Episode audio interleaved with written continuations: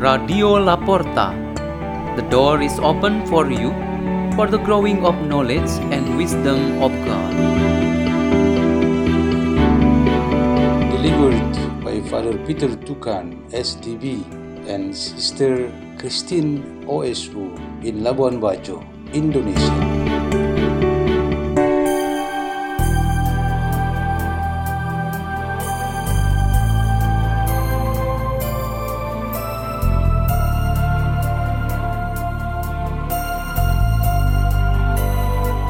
Reading and meditation on the Word of God on Monday of the 33rd week in Ordinary Time, November 15, 2021.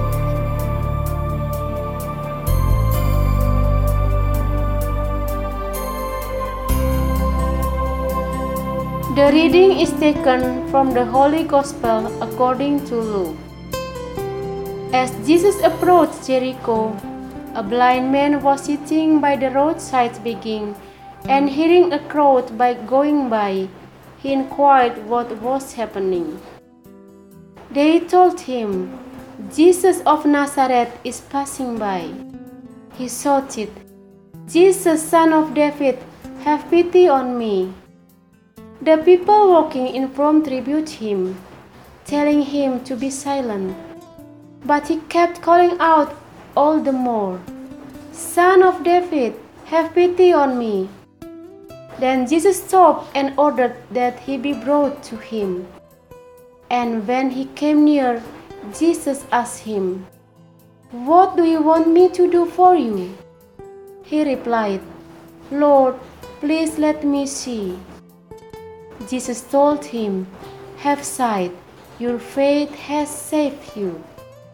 He immediately received his sight and followed him, giving glory to God. When they saw this, all the people gave praise to God. The Gospel of the Lord.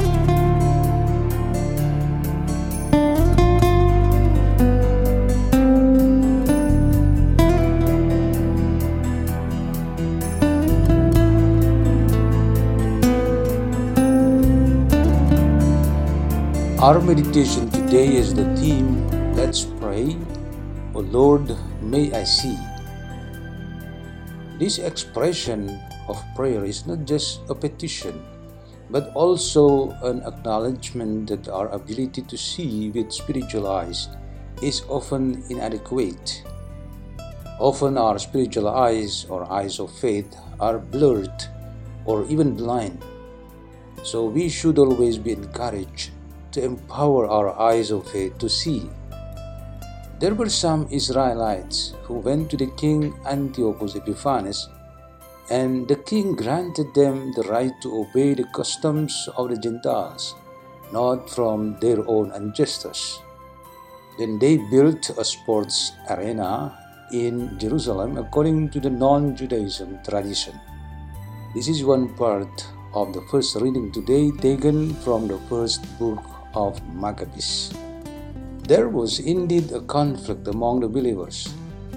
Those who remained in the way of the Lord saw the truth very clearly. On the other hand, those who worshipped idols had their eyes closed and unable to see God.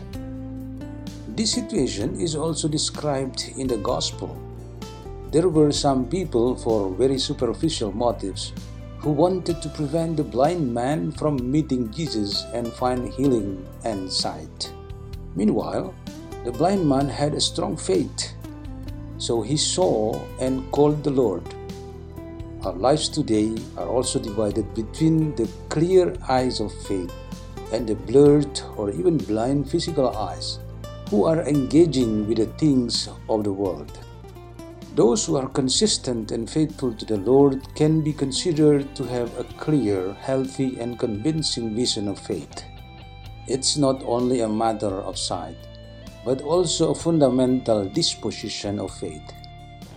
Their eyes of faith really help shaping their life of faith, so that even though they encounter various difficulties in life, threatened and persecuted by their adversaries, it was their faith that keeps them strong and growing.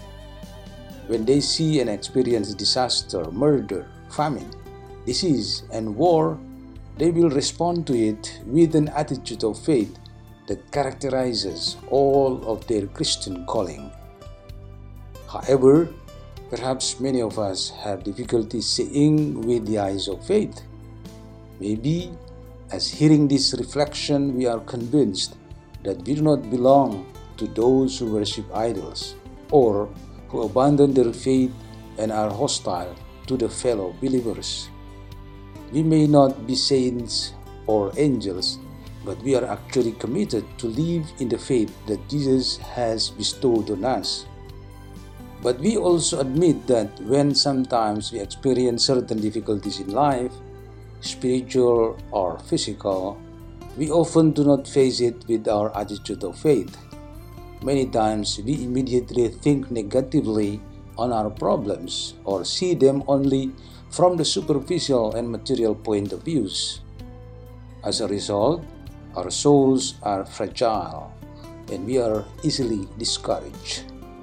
If our souls are strong, our faith convictions are firm, our visions of faith are bright, we will continue to rely on God all the times of our life. Then our prayer should be, O Lord, may I see you clearly. Let's pray.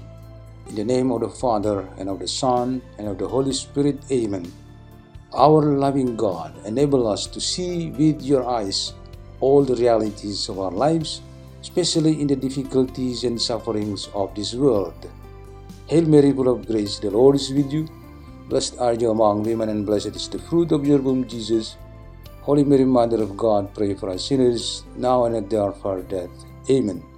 In the name of the Father, and of the Son, and of the Holy Spirit. Amen. Radio La Porta. The door is open for you.